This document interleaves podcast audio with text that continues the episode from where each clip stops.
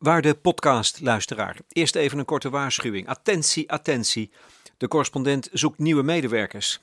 Er zijn verschillende vacatures, dus heb je er wel eens van gedroomd om een rol te spelen voor ons platform voor constructieve journalistiek? Of, of ken je zo iemand? Kijk dan even in onze vacaturebank of speel dit bericht door. decorrespondent.nl slash vacatures. Ja, dan kunnen we starten.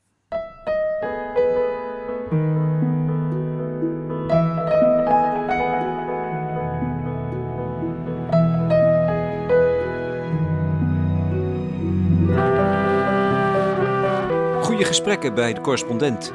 Ditmaal met Annelies Huigen, bijzonder hoogleraar ordening van energiemarkten, over de crisis en warmte. Ik vind het gewoon heel droevig om het zo te zeggen, maar een crisis is een kans. Ik denk, als die crisis een beetje voortwoekert, komt er gewoon heel erg veel onvrede. Want er zijn allemaal mensen die failliet gaan en je bakker gaat failliet en je kunt er allemaal niks aan doen. Dan hoop je dat toch uit zulke momenten weer wordt geboren. Ook wat vroeger de vakbond. Ja, misschien is de vakbond ook wel ouderwets, maar we zijn nu aan het praten over burgerberaad bijvoorbeeld. Uh, maar als je, en een burgerberaad zou bijvoorbeeld ook heel goed zijn, maar dan moeten ze wel financieel geld krijgen. Ze moeten eenzelfde machtspositie kunnen hebben ja, als die andere partijen in het veld.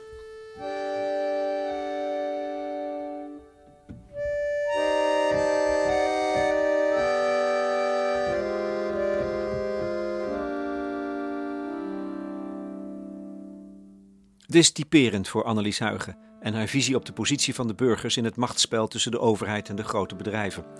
Ze zal ook een paar keer het belang benadrukken van een sterke overheid tegenover die energiebedrijven. Zelf werkt ze voor TNO en ze is bijzonder hoogleraar in Utrecht. Annelies Huigen geldt als dé autoriteit in Nederland op het gebied van warmte. Wat haar expertise bijzonder maakt, is dat ze kennis op het gebied van energie, economie en recht in zich verenigt. Dus zij mocht niet ontbreken in mijn korte serie over energie. Dit is de vijfde aflevering. Dit gesprek vond overigens plaats voor Prinsjesdag. En nog voordat de regering kwam met een pakket maatregelen om de ergste gevolgen van de crisis op te vangen. Annelies Huigen was net terug van een studiereis naar Denemarken. Ja, en als je daarover begint, gaan haar ogen onmiddellijk stralen. Um, nou, ik ben met een aantal beleidsambtenaren en met mensen van TNO naar Denemarken geweest om warmtevoorzieningen te bekijken. Uh, het is zo dat wij hier in Nederland van het gas af willen, eigenlijk zo snel mogelijk. En een heel goed alternatief daarvoor is stadsverwarming. Ja. De stadsverwarming dat betekent dat je een warmteleiding naar je huis hebt. En dan wordt die warmte wordt, uh, gezamenlijk uh, opgewekt op één punt. En vroeger was het volgens mij vooral met gas. Dus dat is eigenlijk best wel raar, want waarom heb je dan niet zelf een ketel? Maar als je kijkt naar uh, moderne warmtenetten, dat is echt heel geweldig. Die zijn uh, geïntegreerd met elektriciteit. En als je het gewoon heel modern wil doen, dan kun je bijvoorbeeld op je dak heb je zonnepanelen en je hebt zonnecollectoren. Um, hè, dus collectoren betekent gewoon dat je op je dak warm water maakt. En dat warme water kun je met z'n allen ergens opslaan. En dan kun je in de winter dat warme water weer gebruiken. Wat je ook kunt doen, dat is dat um, elektriciteitsprijzen, die worden steeds vaker onder nul. En dat komt, er komen heel erg veel windparken bij en dan um, is er gewoon veel te veel elektriciteit op een bepaald moment. En dat kun je ook bijvoorbeeld met een buurtcollectief kun je samen opslaan of in warmte omzetten. En dan moet je dus een soort vijver of zo hebben in de buurt om die warmte op te slaan. En dan kun je dat winters weer gebruiken. Dus dat zijn echt um, collectieve warmtesystemen waarbij je um, alle gebouwen, eh, dus een wijk, energie-neutraal kunt krijgen. Nou, wij zijn daar nog heel erg ver van af, maar ik zou dat echt een heel erg mooi idee vinden. Ja, omdat we van het aardgas afgaan, zouden wij meteen die prachtige systemen kunnen ontwikkelen. Bijvoorbeeld ook met veel uh, burgercoöperaties. Um, um, maar wij doen dat eigenlijk op dat moment niet. Als je kijkt naar Denemarken, in Denemarken daar zit al 70% van de mensen aan een warmtenet. Maar dat zijn wel vaak ouderwetsere warmtenetten. Want die zijn bijvoorbeeld 20 jaar geleden of 10 jaar geleden gemaakt. Toen die moderne systemen nog niet uh, uh, er waren. Je hebt ook heel erg veel collectieven. Dus die warmtenetten die zijn eigenlijk altijd een eigendom van ofwel van de burgers en ook wel vaak van de gemeente. En wij hebben een paar van die warmtenetten bezocht en dat was echt zo leuk. Dan zit er gewoon één collectief, dat staat me voor ogen. Want ik ben voor de tweede keer in Denemarken geweest. Dus ik ben nog een keer geweest en toen ben ik naar datzelfde collectief geweest. En dan is daar een man met een heel erg uitgestreken gezicht die de leukste grapjes maakt. Dus een van die grappen is dan bijvoorbeeld... tegenwoordig moet die warmte moet steeds tegen lagere temperaturen... want dan heb je ook weinig verlies. En dan zegt hij, ja, ja, ik wil niet discrimineren... maar een heel groot probleem bij uh, het nog beter maken van de warmtenetten... dat zijn toch de vrouwen. Want dan kom ik in een gezin en dan moet, uh, moeten ze eigenlijk een groter verwarmingselement hebben. Want die lagere temperatuur heb je grotere elementen nodig.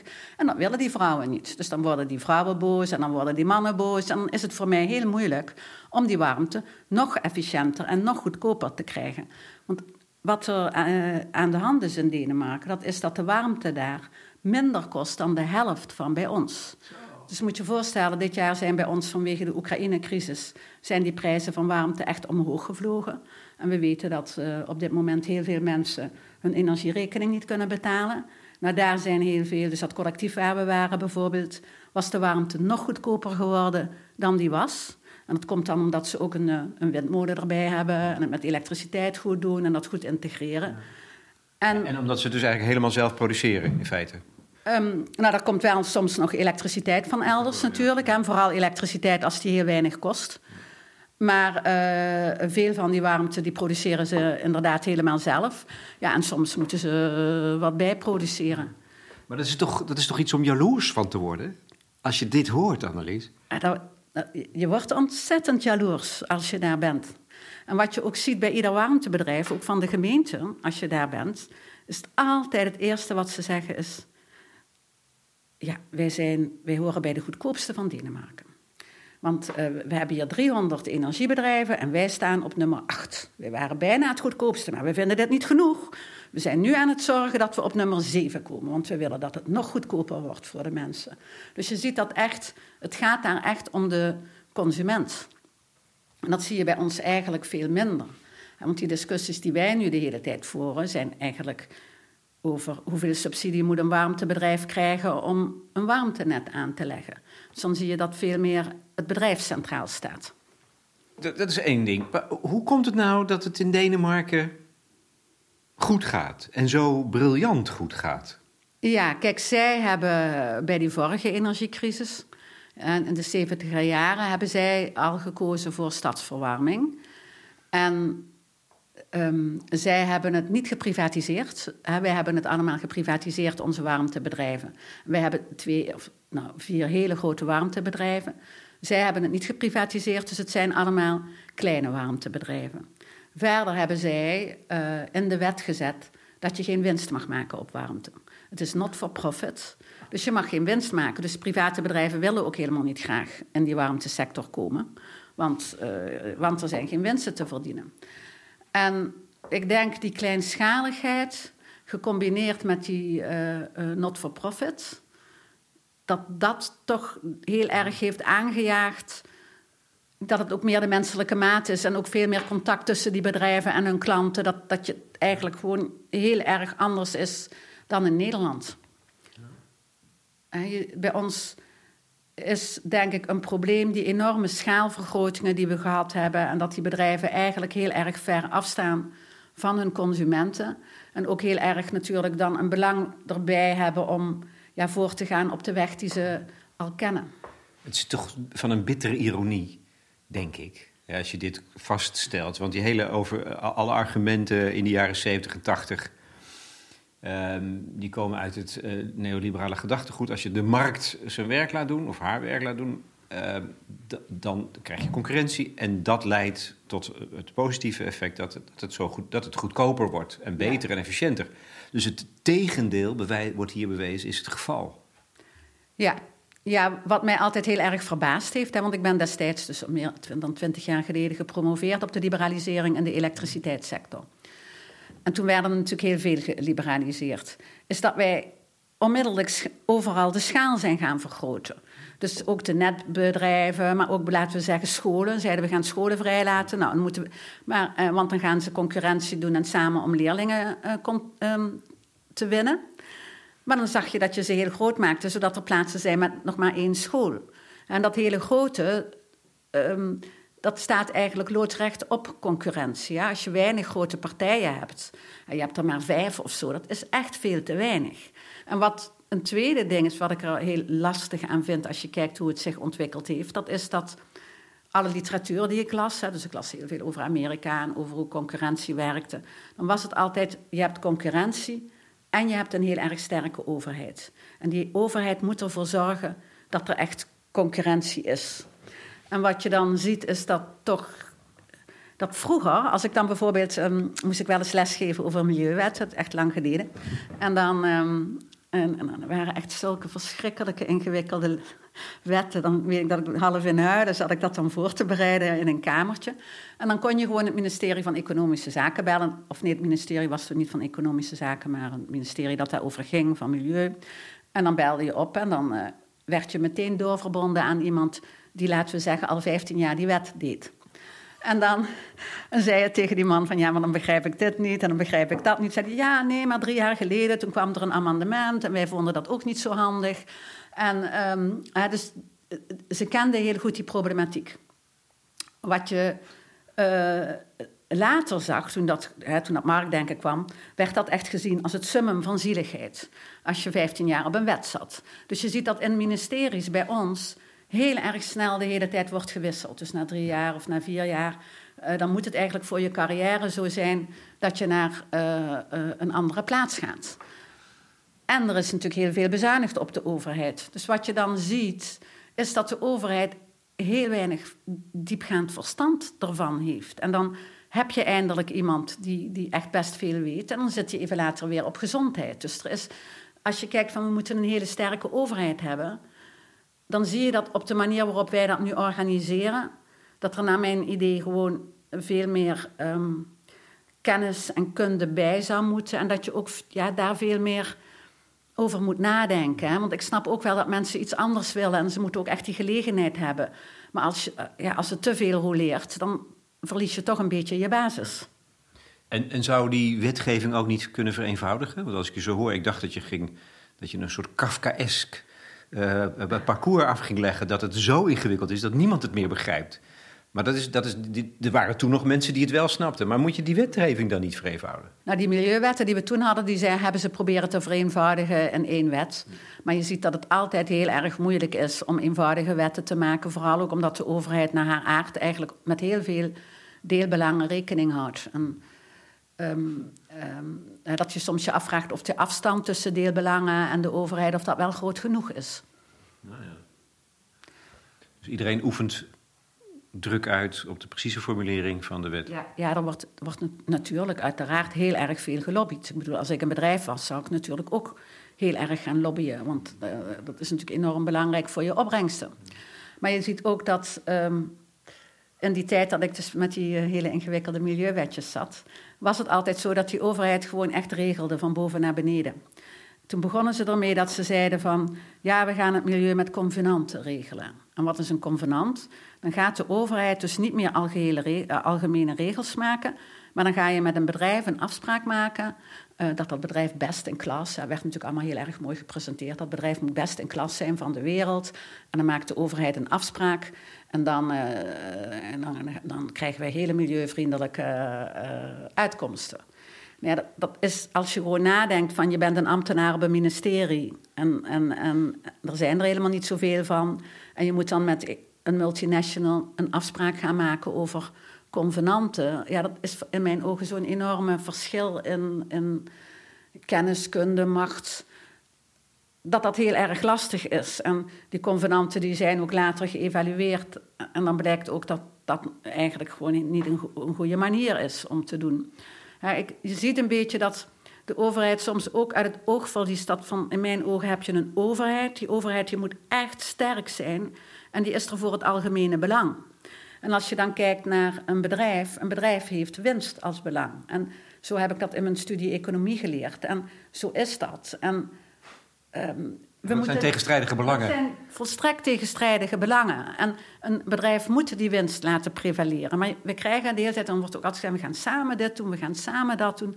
Maar je kunt het eigenlijk niet goed samen doen. Het is voor de overheid die moet, heeft macht. En die, ja, het zijn gewoon twee uh, tegenstrijdige dingen die op de een of andere manier um, um, op een andere manier dan geregeld moeten worden. Want waar ik me dan zorgen over maak, is dat ik zie dat aan die tafel zit de burger nooit. Bijna nooit. Als de burger er zit, zit daar bijvoorbeeld de Consumentenbond, hebben ze mijn tak of de vereniging Eigen Huis. Het zijn kleine verenigingen die vooral op subsidies van, um, uh, van consumenten draaien.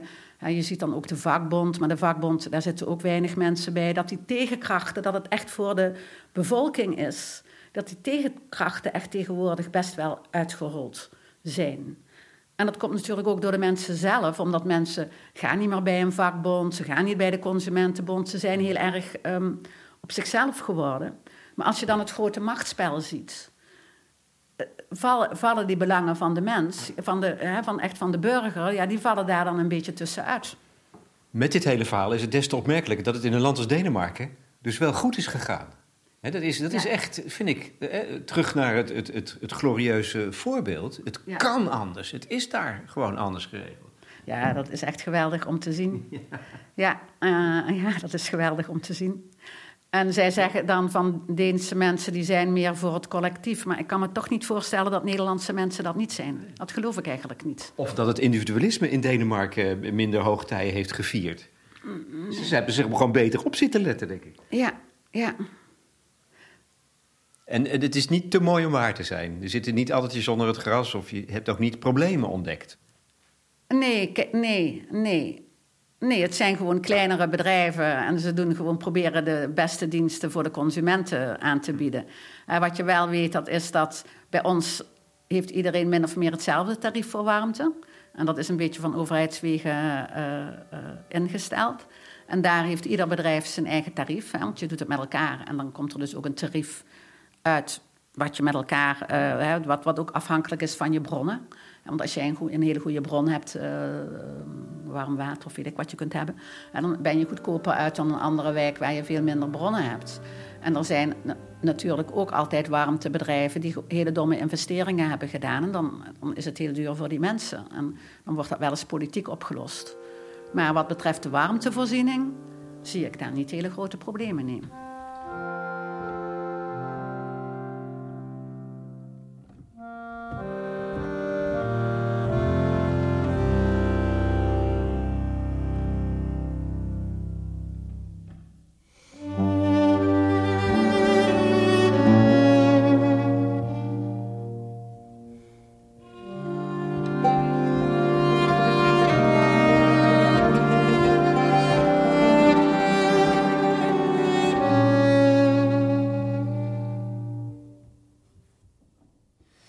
Hebben, Annelies, een energiecrisis. Dat woord valt voortdurend. Is uh, deze energiecrisis in jouw ogen ook een kans? Zit er iets goeds aan misschien? Ja, dus de energiecrisis is dat wij uh, op dit moment geen gas meer kunnen krijgen uit Rusland. En dat daarom de gasprijzen over de kop gaan en die tarieven heel, heel erg veel hoger worden. En ik ben echt bang voor wat er de, deze winter allemaal gaat gebeuren. Dat vind ik um, heel eng, omdat ik denk dat heel veel mensen, heel veel kleine bedrijven hun rekeningen niet meer kunnen betalen. En ik weet niet hoe we dat gaan oplossen. Tegelijkertijd is het de droom van economen. Want economen zeggen al heel erg lang: als je van fossiele energie af wil, dan moet je dat beprijzen. Dan moet je zorgen dat het heel erg duur is. En dat lukt bij ons maar niet. Hè? Want, um, consumenten betalen wel heel erg veel extra belastingen op energie maar eigenlijk de grote energiebedrijven uh, heel erg veel minder.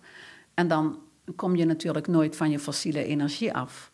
Terwijl wij afspraken hebben dat we in 2050 min of meer energie-neutraal moeten zijn.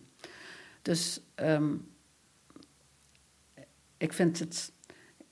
Het ja, is te bitter om te zeggen, dit is een kans. Omdat je weet dat er, dat er echt ja. pijn, er zal leed komen deze winter. Ik, ik ben bang dat er heel erg veel leed gaat komen deze winter, ja. En een extra probleem is, is dat, dat er nu de hele tijd gediscussieerd wordt over wie, wie gaan we helpen. Ja, want je wil natuurlijk de allerlaagste inkomens helpen. Middeninkomens kunnen ook um, heel erg worden getroffen. Um, en dan is het weer de vraag of je uh, die gaat helpen. Wie er heel slecht voor staat, dat is um, mensen die bijvoorbeeld in een huis wonen van een woningcoöperatie, ze huren en het is slecht geïsoleerd. En dan sta je er totaal anders voor dan iemand die in een nieuw huis woont met goede isolatie. Ja, die, betaalt, ja, die, die heeft bijna geen lastenverhoging. Hè. Dus het is heel erg de vraag wie moeten we compenseren. En hetzelfde gaat voor bedrijven. Want wat ik. Um, er komt, is nu ook al een pakket om uh, bedrijven uh, te ondersteunen. Daarbij kun je je ook altijd afvragen van, ja, maar bedrijven die winst maken, moeten die ook ondersteund worden? Of moeten we eigenlijk, uh, ja, want dan krijg je al heel vaak dat het is uh, private winsten en publieke verliezen. Of moeten we daar ook uh, een onderscheid tussen gaan maken? dus het is gewoon heel erg moeilijk wie je moet gaan ondersteunen. ik denk dat dat tot heel veel, ja, toch wel tot heel erg veel discussies kan gaan leiden. En ik denk niet dat we genoeg geld hebben om iedereen schadeloos te stellen. Kijk, op dit moment is in de discussies uh, de bakkers. En ik vind zelf het MKB heel erg belangrijk. En als je al kijkt naar de energietarieven en naar alle tarieven die zij betalen, dat is dat het MKB, als je kleinere, laten we zeggen, je kijkt in de stad, hè, want wie houdt de stad overeind? Dat zijn toch de kleine bedrijven en de mensen die daar wonen. die moeten altijd heel erg veel en alles meebetalen en krijgen eigenlijk heel erg weinig. Misschien zijn die ook niet goed genoeg vertegenwoordigd. want als jij gewoon een grote industriële bakker bent, dan ben je een groot verbruiker van energie. Ja, dan betaal je veel minder voor je energie dan het kleine bakkertje op de hoek. Terwijl natuurlijk het kleine bakkertje op de hoek ook belangrijk is sociaal en, en, voor de inrichting van de stad. En, en die grootverbruiker die profiteert van uh, gunstige uh, regelingen? Ja, die profiteert van gunstige regelingen. Dus ik ben heel benieuwd ook hoe we dat gaan doen met het uh, midden- en kleinbedrijf. Nou, jij houdt je hart gewoon heel erg vast. Ja, ik hou mijn hart vast. En zeker als het een strenge winter wordt. Ik hou mijn hart echt vast. Maar ik zie ook wel heel erg een grote kans. Hoe triest ook. Ja, ik, volgens mij aarzel je om daarover te spreken in dit verband. Ja. Omdat het ja. te pijnlijk is. Terwijl ik, eigenlijk, je bent bezig om na te denken over een, een, een essay over uh, energierechtvaardigheid. Ja. Wat versta jij daaronder? Wat betekent dat eigenlijk, energierechtvaardigheid? Naar energierechtvaardigheid, dat, dat wij gaan een energietransitie doen. En we moeten gewoon naar 2050 min of meer energie-neutraal zijn. En ik denk dat het heel erg moeilijk voor ons is om na te denken van hoe ziet dat systeem eruit. Dat, dat probeer je wel. Hè. Bijvoorbeeld, ik denk dat er nog maar heel weinig privé, of misschien hoop ik dat zelfs, dat er weinig privéauto's zijn. Maar misschien stikt het nog van de privéauto's en hebben we dat op een andere manier opgelost. Het is heel moeilijk om na te denken hoe dat is. Maar in die overgang gaat in ieder geval alles schuiven. Wat goedkoop wordt, wordt duur. Uh, wie geïsoleerd is, heeft een bof. Hè, zoals nu, als je geïsoleerd bent of je hebt zonnepanelen, heb je een grote bof. Een ander heeft het niet, een bof. Van hoe kun je die energietransitie doormaken zonder dat bepaalde groepen heel erg achterblijven. En, Waar ze in zekere zin niks aan kunnen doen, maar dan zijn ze de dupe van die transitie. Ja, dan ben je, uh, ben je keihard de dupe van die transitie, ja. Als ik denk aan auto's, hè, we gebruiken dus, um, hoeveel, een auto weegt 1000 kilo. Dus als jij uh, je wil verplaatsen in de stad, um, uh, zit je met 60 kilo in die auto en dan wordt er 1000 kilo verplaatst. Dat is toch een heel erg raar idee. En, Zo heb ik er nooit over nagedacht. Dat vind ik wel een goed beeld, zeg. Ja. Nou, en dat kost ontzettend veel allemaal metalen. Metalen die we kunnen gebruiken om windmolens of zo op te zetten, denk ik. Ik ben geen metaalspecialist. Maar je gebruikt ook heel veel energie. En, en het kost heel veel geld. Dus als je dat in, in uh, openbaar vervoer zou uh, steken, dat geld... dan kun je volgens mij echt een geweldig openbaar vervoer uh, creëren. Waarbij ook veel meer ruimte komt in de stad. Je ook veel meer groen zou kunnen hebben. Maar als je op een gegeven moment gaat denken van... we laten dat maar heel duur worden, die auto's...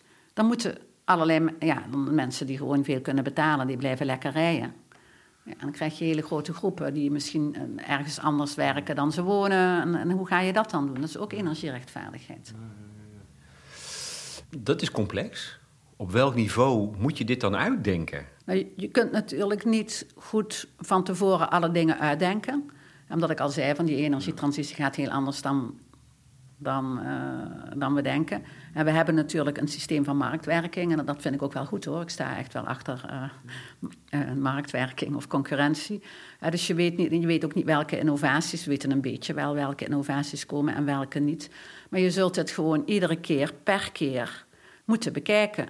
Zoals we nu echt moeten bekijken van hoe gaat het met de mensen die slecht geïsoleerd zijn, geen zonnepanelen hebben en nu geconfronteerd worden met een rekening van duizenden, energierekening van duizenden euro's. Ik bedoel, was het ongeveer een paar weken geleden was uh, in de discussie Barbara Baarsma. En die kwam met dat plan dat iedereen een gelijk budget krijgt. Een gelijk budget en uitstootrecht. Dus je mag eigenlijk evenveel fossiele energie mag iedereen gebruiken. Ja, dat, dat klinkt echt, vind ik, als super rechtvaardig. Maar inderdaad, als je dan gaat doordenken, want dan ga je dat onderling aan elkaar verkopen. En dan krijg je weer dat de rijken die gaan dat kopen van de armen. En dan kunnen de armen die kunnen niet meer reizen. Weet je, dat heeft ook hele rare gevolgen. Dus ik denk dat een filosoof nog beter over rechtvaardigheid kan nadenken dan ik. Maar ik denk dat we dat niet van tevoren kunnen uittekenen. Dat je toch bij iedereen. Ik denk dat die energietransitie is zo enorm. Een, een, een, een, je noemt dat een systeemtransitie. Van alles gaat zo veranderen. En ik denk ook de positie van, als we het goed doen, hè, de positie van bedrijven tegen, tegenover elkaar, de positie van burgers tegenover elkaar, de mensen die ontslagen zullen worden, de mensen die um, net een goede baan zullen hebben. Ik bedoel, er gaat, als je zo'n transitie krijgt, zo verschrikkelijk veel gebeuren. Dat je toch, denk ik, alleen maar rechtvaardigheid iedere keer kunt bekijken van... zijn er weer groepen die enorm eh, gedupeerd worden en hoe kunnen we daar wat voor doen?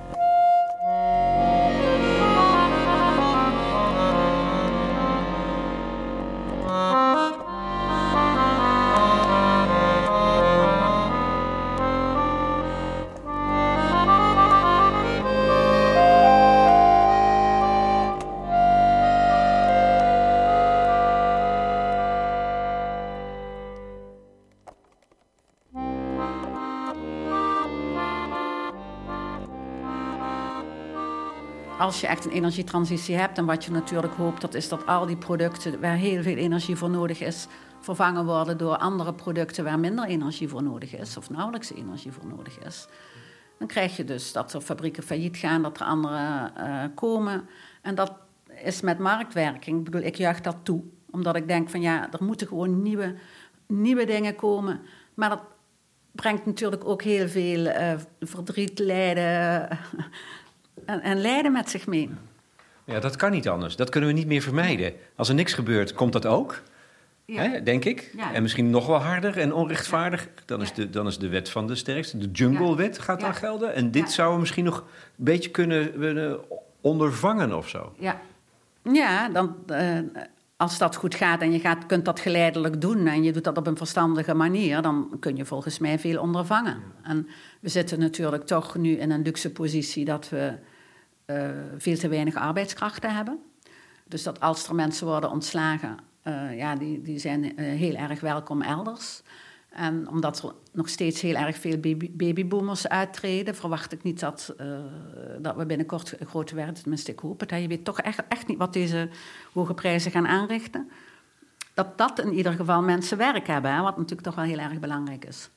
En als ik je dan toch probeer uit te dagen om um, over deze energiecrisis te spreken als een kans. Hè, waar kunnen we dan uh, aan denken? In welke, in welke zin is deze crisis een kans? Ja, dus je ziet nu al in een korte tijd, we zitten nu al jaren met allerlei beleidsmaatregelen, willen we graag dat er energie bespaard wordt. Nou, we hebben nog, nog, nog, nog geen half jaar deze hoge prijzen en er is al 20 procent of, of nog meer al bespaard. En dat, ja, dat is fantastisch. Ja, maar het is ook een beetje bizar. Dat is ook bizar. Dat is ook bizar. Is, ja. is het echt zoveel? Ja, volgens mij. Uh, ik zou het nog even moeten nakijken. Maar ik was in Denemarken. Ik dacht, ik was van plan om het even na te kijken. Maar het is niet meer gebeurd. Maar uh, ja, het is volgens mij 20 procent. Ja, op, uh, ja, ja. Want, want, dat zegt iedereen ook, hè? We moeten nu besparen. Ja. Dus anders leven. Je leven anders inrichten. En dat, en dat blijkt dus ook vrij gemakkelijk eigenlijk te kunnen. Ja. Ja, of het heel gemakkelijk is, weet ik niet. Maar je kunt besparen. En, en waar zit hem dat dan in voornamelijk? Als je kijkt bij de mensen thuis, kijk, je ziet dus dat de industrie bespaart. Wat gewoon heel erg belangrijk is. En omdat zij zo weinig belastingen hoefden te betalen over energie, waren daar weinig prikkels om te besparen. Maar die hebben nou veel meer, ja, die hebben nou maar, um, wel prikkels om te besparen. Je ziet ook aan mensen thuis, weet je wel, al die dingen van ga niet uh, koelen, die zet je niet meer zomaar aan. Uh, we doen de was, uh, hangen we op in plaats van dat we hem in de droger doen. we gaan in de winter, denk ik dat, ja, weet ik niet of mensen nog allemaal hun verwarming boven de 19 graden. ik vond het altijd leuk met mijn vader, ik ben echt in zo'n gezin opgegroeid Dus mijn vader die was ook altijd bezig met energiebesparing. Waar het altijd vrij koud was in de winter. Dat vond ik echt verschrikkelijk. Echt heel erg. En je ziet dat je, dat je zelf precies hetzelfde wordt. Dus hier is het ook koud in de winter. Mijn vader deed het heel erg ook voor het milieu. Van je kunt dat toch niet allemaal zomaar gaan opmaken. En uh, um, het is belangrijk om zo min mogelijk energie te gebruiken, omdat je alle grondstoffen opmaakt. Echt uit, uit, uit dat soort overwegingen. Dus ik ging dat ook doen. En dan ga je altijd, als je teams hebt, dus hè, natuurlijk twee jaar teams, teamsvergaderingen met corona, dan zie je altijd precies hoe die mensen zijn. Er zijn er allemaal mensen en die zitten thuis met zo'n korte mouwen.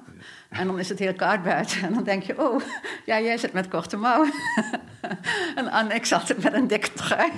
dus je kunt het dan al zien. En, zo heb ik er nooit naar gekeken. Zeg je er dan ook iets over? Nee, ik heb daar nooit wat over gezegd. we zaten ook niet in een energiecrisis. Maar ik zie het dan wel. Ik denk, oh jeetje, die, eh, ja, die heeft wel hele dunne kleren aan voor de, midden in de winter. Ja. Of op korte termijn kun je ook, hè, je kunt heel veel doen met tochtstrips en zo. Hè. Want tocht is echt vreselijk in je huis. Hè. Ik bedoel, dat is echt zo. Uh, dan moet je echt heel veel energie gebruiken om, om, tegen tocht op te werken. Dus mensen kunnen, kunnen natuurlijk wat tochtstrippen gaan doen en zo. Maar bedoel, op langere termijn moet je natuurlijk uh, isolatiemaatregelen treffen. En dat is op dit moment heel erg moeilijk, omdat er te weinig arbeidskrachten zijn.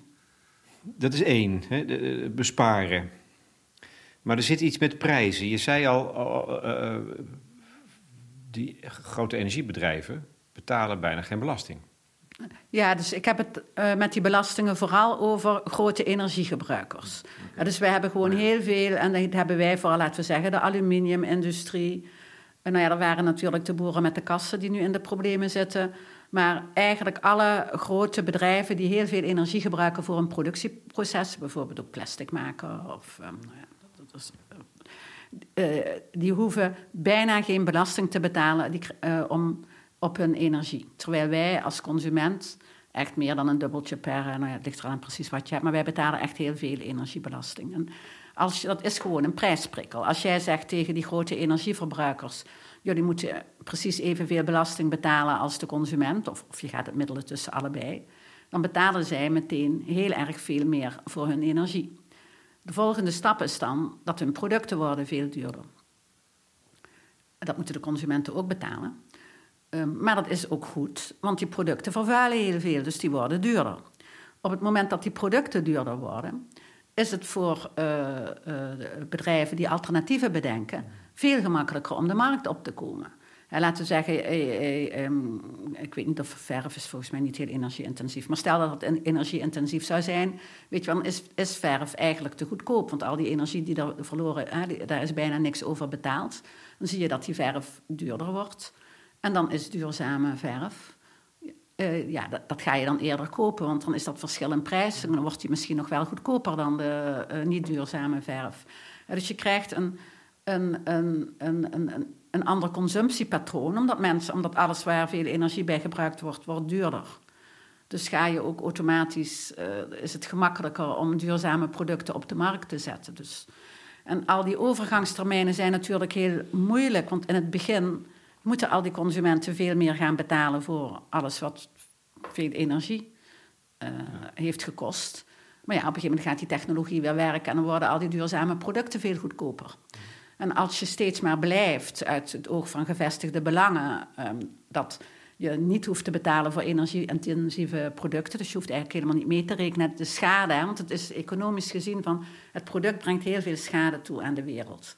Het brengt schade toe voor het klimaat, het brengt schade toe met overstromingen. Het product brengt veel schade toe. En daarom moet jij die schade eigenlijk helemaal meebetalen dus er moet iets, dat product is te goedkoop, dat die schades die moeten ingecalculeerd worden. Net als bij de boeren overigens. Parallel, het eten is veel te goedkoop. Veel te goedkoop, veel te goedkoop. Dus dan worden deze dingen veel duurder. En in de overgangstijd krijg je natuurlijk weer dat er heel veel mensen zijn ja, die daardoor gedupeerd raken.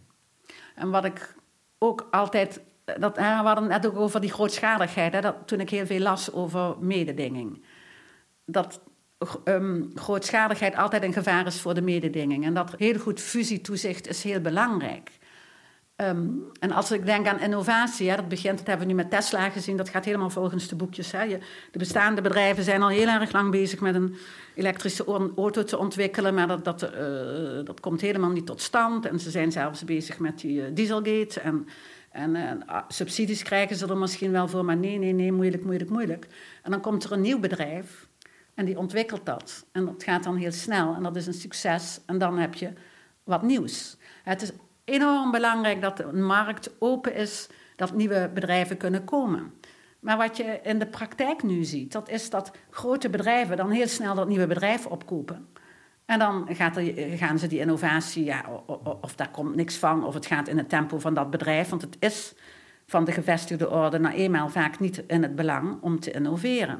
Dus je ziet nu ook in Amerika dat er weer meer wordt gediscussieerd over de vraag: moet je wel toelaten dat als je een heel groot bedrijf bent, hebben we bijvoorbeeld de Big Five voor technologie, ja, dat die kleine bedrijven opkopen. Waarom?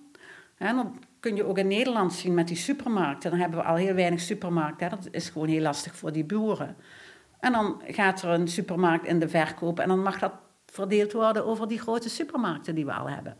Maar het is ontzettend belangrijk voor een markt dat je gewoon toetreding hebt, vele verschillende bedrijven. Dus dan zou dat toezicht ook weer ja, ja. op een andere manier moeten. Dat is een kwestie van toezicht. Dus niet een kwestie van wetgeving, maar dat je het moet controleren. Want het is toch gewoon markt. Ze mogen dat toch doen, die bedrijven? Nou, er is mededingingstoezicht, want er zijn wetten, dat bijvoorbeeld bij ons de ACM, dat mededingingstoezichthouders fusies, als die uh, ervoor zorgen dat het slecht is voor de concurrentie, want concurrentie is het uitgangspunt, dat ze die mogen verbieden. Hmm. Maar het gebeurt maar heel erg zelden. Het is, dit is dagelijkse praktijk, heb ik het idee. Dat die grote bedrijven de, de start-ups kopen, de innovatie wegkapen. Dus dat gebeurt voortdurend. Ja, ja. ja dat... dus, en dan denk ik, het mag kennelijk. Ja, dus het mag. Uh, zeker, het mag. en je, er zijn wetten die zeggen van je moet daar aan twijfelen. Maar dit zijn allemaal veranderingen op de langere termijn. Waar we aan moeten gaan werken als we echt innovatie willen. dat is niet zo dat dit volgend jaar uh, kan.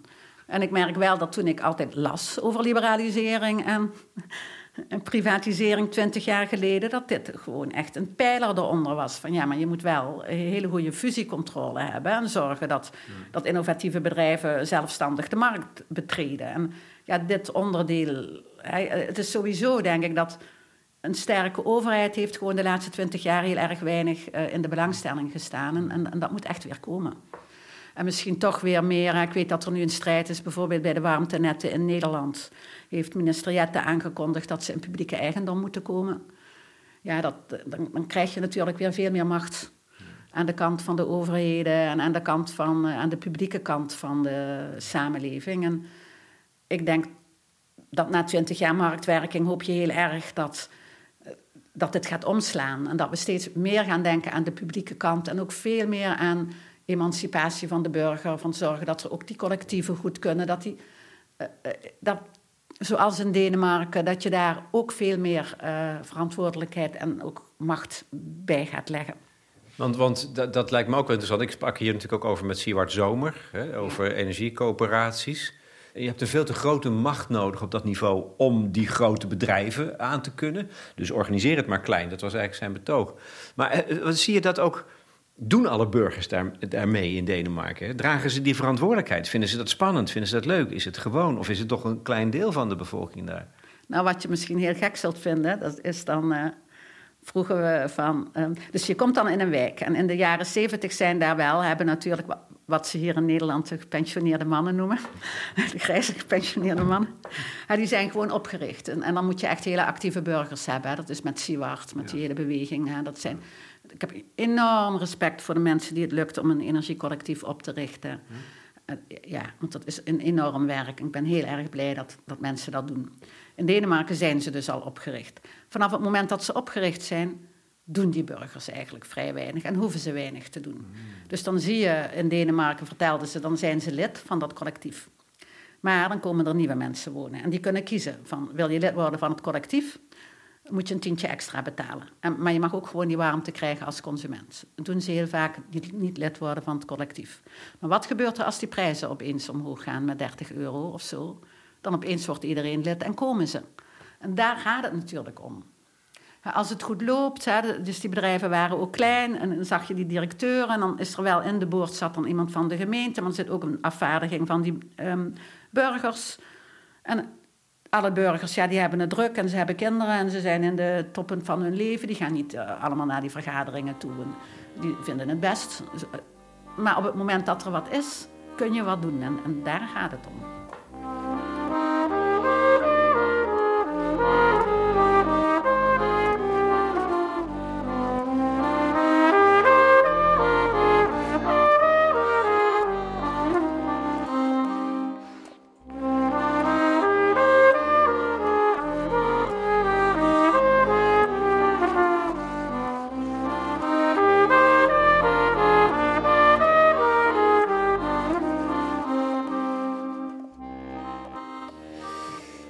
Paar dingen. Uh, auto's.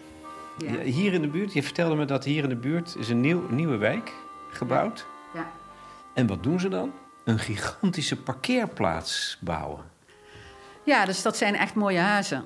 Gewoon dertiger jaren huizen zit ik in, maar gewoon zo'n mooie rijtjeshuizen. Um, best wel ruim. En dan kijk je naar het tuintje daarachter. Nou, dat is uh, ongeveer even groot als een balkon, iets groter. En dan zie je daarachter een enorme parkeerplaats voor auto's. Dus hè, die huizen staan daar als het ware aan, aan, drie kanten en vier kanten omheen. En dan denk je, ach, moet je voorstellen dat die auto's er niet stonden. die huizen konden grote tuinen hebben, je kon er gemeenschappelijke moestuinen maken. Je kunt een speelplaats maken voor kinderen, waarbij ze, zodat ze niet obese worden, maar daar gezellig gaan voetballen. Want je kunt het ook nog eens uh, afsluiten. Wat, wat zou dat geweldig zijn als je daar niet al die auto's had staan. En wij wonen hier gewoon heel dicht bij het station in Leiden. Je kunt overal eigenlijk naartoe. Ik denk dat als wij naar een, uh, een, uh, een CO2-vrije samenleving willen... en bovendien naar, uh, waar India ook rijk is... dat, dat de privéauto, dat dat, um, dat dat gewoon echt niet kan. te veel metaal, te veel brandstof, te veel vervuiling, te veel spullen. En dat als, de, dat als je echt inzet op openbaar vervoer. Hè. Dus er zijn magneettreinen. Ik bedoel, er zijn zoveel alternatieven die, je kunt, uh, die er mogelijk zijn. Dat je echt... Het komt dadelijk de zelfrijdende auto, dan kun je hem gewoon bestellen en dan stap je in. Ja, dat zie je ook echt voor je. Dit is niet een, een, illusie of een droom of een mooi visioen of zo. Ja, natuurlijk is het een visioen, maar het is wel iets wat kan. Hè? Want die zelfrijdende auto, ja, daar wordt nou heel hard aan gewerkt. En die techniek, daar zijn nog allemaal ongelukken mee. Maar ja, dat kun je volgens mij wel eh, eruit krijgen. Dus het gaat gebeuren, denk je? Dat gaat volgens mij wel gebeuren, ja. Maar dan, ook dan weer moet je echt een beleid gaan creëren dat, dat auto's eruit moeten. En ja, ik kan me gewoon de tijd herinneren met een uil dat de auto's erin moesten. en uh, van iedereen een auto, dat was het grootste ideaal. Ik heb zelf trouwens geen auto, maar um, dat, zijn enorme veranderingen in een leven van een mens. Maar tegelijkertijd, als je denkt aan een stad met heel weinig auto's, hè, dan heb je natuurlijk wel die zelfrijdende auto's, maar ze hoeven niet op parkeerplaatsen. Je hebt veel minder straten nodig. Je hebt veel minder lawaai, je hebt veel minder luchtverontreiniging. De kinderen kunnen veel beter spelen. Dan is het anders leven. Ik vind het altijd heel moeilijk dat gewoon die milieu, um, alles van we moeten voor het milieu minderen, moeten minderen, minderen, minderen. Ik denk altijd nee, anders, anders, anders. Met hele grote voordelen. En ook nadelen natuurlijk, ook met nadelen, maar niet minder, minder, minder. Hmm. is het leven dan minder? Ja, de mens blijft hetzelfde. Ik bedoel, het, is heel, er zullen veel dingen veel anders zijn. En, en, het zou wel eens kunnen dat als mensen grotere tuinen hebben en collectieve dingen kunnen doen op die plek waar nu auto's staan, maar dan andere dingen georganiseerd worden, dat, dat ze veel gelukkiger en blijer zijn en veel stiller en, en, en veiliger en noem maar op. En, gezonder, zeg je. Ja, dat, dat, dat, dat lijkt mij logisch. Ik bedoel, ik speelde vroeger ook altijd dat we buiten speelden en daar uren weg mochten blijven, want het was allemaal, toen was er wel al autoverkeer. Mijn zusje is ook een keer aangereden, maar ik bedoel, dat was toch heel anders dan nu, waar kinderen gewoon... Ik woon hier tegenover een basisschool, al die kinderen worden in die hele grote auto's gebracht. Je kunt er dan eigenlijk helemaal niet lopen op dat moment. dus, dus, dus, dus dat, dat ze echt weer zelf naar school kunnen. En ik vond dat zelf ook een groot goed. Weet je, het lijkt mij echt verschrikkelijk. Lijkt, lijkt mij dat als je ouders altijd je komen brengen... en ja, ja, dat je gewoon niet je eigen leven kunt hebben als kind. Ja, dat is ook zo'n eh, zo'n moment dat je even van jezelf bent hè, als kind. Toen ja, ja. je loopt weg van huis, je bent nog niet op school, je bent even helemaal van jezelf. Ja. die tijd is dat is eigenlijk een soort roof. Dat dat, dat, dat soort elementen zijn weg. Dat is, en het is, we onderschatten dat soort dingen. Ik denk, Ja. Ja, want dan ga je ook met iemand oplopen, weet je wel, mag je ook kiezen. En soms dan loop je op met iemand die je eigenlijk stom vindt, weet je. Ja, al die dingen. En dat is inderdaad, ik vind dat ook echt een roof. Ja. Snap ik. Eh, tot slot misschien nog iets over de warmtenetten. Hè? Ja. Want op het gebied van warmtenetten, we zijn er ook, ook voor begonnen volgens mij, daar kan, daar kan nog heel veel gebeuren. Heel veel spannends en goeds, denk ik juist. Ja, dus wat ik op dit moment zie, dat zij, is dat eh, eigenlijk de plannen waren om ouderwetse warmtenetten snel uit te gaan rollen in eh, gemeenten. Waarbij ze ook eigenlijk willen dat de gemeente ook nog mensen kan dwingen om aan dat warmtenet te gaan. En onze prijzen zijn duurder, hè, daar hadden we het al over, dan ook dan in de rest van Europa. Maar als ik dan zie eh, naar die projecten met nieuwe systemen, dan moeten we ook ten eerste afstappen van dat idee dat we het alleen over warmte hebben. We moeten echt elektriciteit, warmte en koeling geïntegreerd maar raken in systemen. Dus nu is er een discussie over of eh, de overheid eh, die warmtenetten gaat doen. Nou, als ze dat wel gaan doen, maar ook als ze dat niet zouden doen, ik heb liever dat ze het wel gaan doen, dan ehm, moeten we er toch anders over gaan denken dan we nu erover denken. En het probleem daarbij is dat eh, waarom ze eh, zo snel willen gaan, is om ze zeggen we willen eh, heel snel heel veel CO2 besparen. En daarom, ik woon hier dan in Leiden, moet er een hele grote leiding worden eh, gelegd van ehm, Rotterdam naar Leiden. En dan nemen we daarvan de olieraffinaderijen en zo. Maar dat is niet zo toekomstbestendig, hè, want we weten gewoon niet of daar nog veel warmte over is als we in een CO2-neutrale samenleving. En, zo'n warmtenet moet je eigenlijk toch wel 30 jaar gebruiken voordat je al die kosten eruit hebt. Als ik nou hier bijvoorbeeld kijk naar mijn buurt, dat is wel heel leuk, want we hebben een hele goede voorzitter van de buurtvereniging. Zo'n gepensioneerde man, waar wel eens op. eh, die is echt heel erg goed. En ik woon hier ongeveer naast een ziekenhuis. Dus wij zijn dan nu bezig om te kijken of die voorzitter is. eh, Die heeft een groepje gevormd om te kijken of we eh, de overtollige energie van het ziekenhuis kunnen krijgen. En dan met een lage temperatuur warmtenet. En dat is dan eigenlijk zo'n heel modern systeem. Ehm, dus dan moeten we maar gaan kijken. Dus dan gaan we, gaan we hier in de buurt echt kijken of dat kan. Maar als je dan denkt aan Nederland, moet er echt heel veel om om dit mogelijk te maken. Want dan kun je echt in de wijk, dat je in een wijk eh, meer energie produceert dan je gebruikt. Dat betekent ook dat je geld overhoudt in de wijk. Hè? Dus je gaat niet meer je eh, energie kopen bij hele grote bedrijven uit andere landen, maar je koopt het van elkaar. Je eh, houdt energie over. Dus Dus per wijk, je kan van de ene wijk naar de andere verkopen. Nou, in de wijk, je verkoopt het aan je buren. Ik koop het van het ziekenhuis. En als ik gewoon eh, warmte, eh, zon over heb, dan verkoop ik het weer aan het ziekenhuis of aan mijn buren of aan de school hier tegenover. Maar dan moet je het wel onttrekken aan de markt. En wat ik begrepen heb van Sierwart, is dat je nu nog altijd, ook als energiecoöperatie, moet je eerst die internationale markt op. Ja, maar in de toekomst hoeft dat veel minder. Ja, als je echt je hele moderne, maar wij doen het nog niet in Nederland. We doen dat heel weinig, terwijl er zijn wel internationaal voorbeelden van. Het is gewoon heel moeilijk om het te doen. Maar er zijn, laten we zeggen, twintig wijken in Europa. Ik, ja, ik verzin maar wat, die altijd zo werken. Ja, dus, dat, dat, eh, dus dan ga je misschien nog een klein... Want als ik dan de hele tijd zeg... ja, maar als er veel te veel zonne-energie is op de internationale markt... ga je dat snel inslaan en dan ga je daar warmte van kopen. Dus dan zit je wel daarbij op de internationale markt. Want eh, daar wil je wel even van profiteren. Maar eh, voor een heel groot deel koop je en verkoop je eh, aan elkaar. En blijft het ook eh, eh, in de wijk. Maar dan moeten we toch ook een heel ander reguleringssysteem krijgen. Dat, is, dat heeft een kant van technologie, denk ik. Ja. systemen, de, apparatuur heb je daarvoor nodig. Maar je hebt ook regulering nodig, en dat is wetgeving. Ja, en we zijn de wetgeving al aan het veranderen voor warmte, maar dat is niet toegespitst. Niet, eh Siewert heeft verteld, het is niet toegespitst op de coöperaties en ook niet toegespitst op moderne systemen. En ik zou toch hopen dat we het nog gaan veranderen en dat we dat eigenlijk centraal stellen. Want wat ik er ook heel leuk aan vind, dat is dat als je deze systemen doet, dan is het gewoon het allergoedkoopste voor iedereen als ook in je huis, laten we zeggen, je afwasmachine gaat ook aan als er veel te veel zonne-energie is. Of, hè, dus, dus dan worden ook de apparaten allemaal, ehm, het, het, het, automatisch laden wordt ook, hè, wordt allemaal wordt dat eh, op elkaar afgestemd. Dus je hebt een, eh, ICT-laag nodig. Ja, daar heb je natuurlijk allemaal, eh, met ICT moet je dat doen. En ik stel me zo voor, omdat wij in Nederland zijn we heel erg goed hè, met de creatieve industrie. We zijn heel erg goed op het gebied van ICT, dat hele cluster Eindhoven. Dus als wij zouden zeggen van laten we vol hierop inzetten, kun je een hele nieuwe industrie creëren. En dat zou ik voor ons ook heel belangrijk vinden, omdat je toch denkt, we hebben heel veel energie-intensieve industrie. Maar we hebben eigenlijk helemaal niet meer, die kwamen allemaal omdat wij goedkoop gas hadden. Maar we hebben geen goedkoop gas meer, want we kunnen niet meer uit Groningen. Dus kun je niet beter in Marokko gaan staan met al die zon en, en met de woestijnen, met veel meer. Waarom ga je nog in Nederland zitten? Ik denk toch dat wij er rekening mee moeten houden dat van die industrieën die hier zijn gekomen omdat we goedkoop gas hadden, dat als die weer opnieuw moeten beslissen waar ze gaan zitten, dat de hele grote vraag is of ze nog in Nederland uh, kunnen zitten.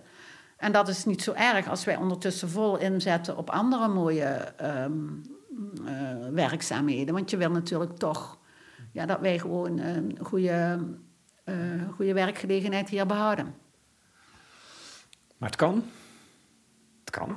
We kunnen eraan gaan werken. En, en, en sterker nog, er komt een warmtewet. En daar zou dit al, vind jij, centraal moeten staan. En volgens mij is die uitgesteld tot 2024, zeg ik even uit mijn hoofd, dat die ja, er komt. Maar er wordt nu over onderhandeld. Dus dit kan er nu in. Het kan erin. Ja, nou, het is vooral, het, het er moet vooral heel erg veel uit. wat er, een heleboel wat erin staat, dat belemmert. Dat is vaak met regulering. Hè? Dus dat, uh, dat regulering, dat stelt allemaal grenzen. En, en, en, heel veel wat er in die wet staat, belemmert deze ontwikkelingen. Dus dat, dat moet er vooral heel erg uit. En dan moeten er ook wat dingen in over de tarieven. En uh, ja, nou, dat heeft eigenlijk de meeste haast. Dat, dat die tarieven op een andere manier gevormd moeten worden in Nederland. Hoe, hoe bedoel je dat dan? Nou, we hebben nu al heel lang dat de tarieven van warmte zitten vast aan de tarieven voor gas. Terwijl warmte natuurlijk, dat zie je in Denemarken, heel erg veel goedkoper kan zijn dan gas. Maar bij ons gaan ze iedere keer met de gasprijzen omhoog. En dat staat in de wet. En daar moeten we echt heel erg snel mee stoppen. Volgens mij eruit halen is altijd heel makkelijk, volgens mij. Nou ja, blijkbaar niet, want we zijn al jaren daarmee bezig. ja, dat is zo jammer. Dan weet je het al heel lang. En energiewetgeving, zijn zulke belangen die daarmee gemoeid zijn. Dat, dat gaat heel langzaam. Praat jij rechtstreeks met Jette? Nee, nee, maar binnenkort, want ik zit nu in een commissie over de energievoorziening in 2050. En dan gaan we met hem kennis maken. Je gaat een advies schrijven voor Jette, hiervoor ook, hierover. Uh, ja, wij, wij moeten met de commissie een advies maken over inderdaad van, uh, van um, hoe moet al die regelgeving en zo eruit zien als we in 2050 energie-neutraal moeten zijn. En alles wat ik nu gezegd heb is natuurlijk niet de mening van die commissie, dat zul je helemaal begrijpen. Maar toch ben ik blij dat die commissie er is in dit geval. Ja, ik ben ook blij dat die er is. het is ook leuk om creatief na te denken en om, ja, om na te denken. Want niemand weet hoe die toekomst is. Maar je moet de hele tijd denken van wat, hoe moeten we het uh, reguleren en zo, zodat die duurzame toekomst kan komen. En hoe zorgen we dat we het eigenlijk niet verhinderen, want er is gewoon niet veel hindermacht. Hoe zorgen we dat het er komt? Want het kan. Dan dank ik je hartelijk.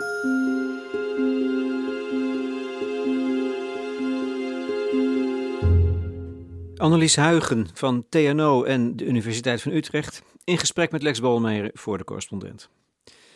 Er is genoeg om over door te denken en te praten, dunkt mij. Sterke overheid, burgermacht, de effecten van een grote transitie, wetgeving. Ons platform staat open voor discussie. Die, dat moet ik erbij zeggen, alleen toegankelijk is voor leden. En over dat lidmaatschap volgt zometeen nog een dringend appel. Ik gebruikte muziek van twee nieuwe Nederlandse albums. Caravan 3 van Julian Sneeman. Hij bespeelt een harmonium, waarbij je zelf pompt en energie opwekt. En Two for the Road van Erik Vloeimans en Wil Holshouwer op accordeon. En daarin zit ook al zo'n mooie energie, huishouding.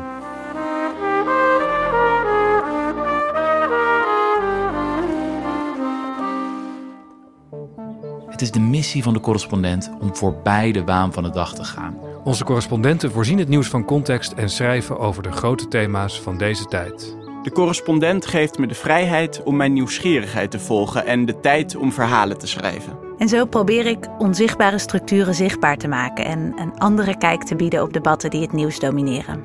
Dan gaat het minder over het spelletje en veel meer over wat er op het spel staat. Vanaf dag 1 zijn onze artikelen, boeken en podcasts gefinancierd door onze leden. Volg ons op onze journalistieke zoektocht. Overweeg eens lid te worden van de correspondent. En maak daarmee samen met ruim 70.000 anderen onze onafhankelijke journalistiek mogelijk. Dus word lid van de correspondent. Ja, Word lid. Word lid.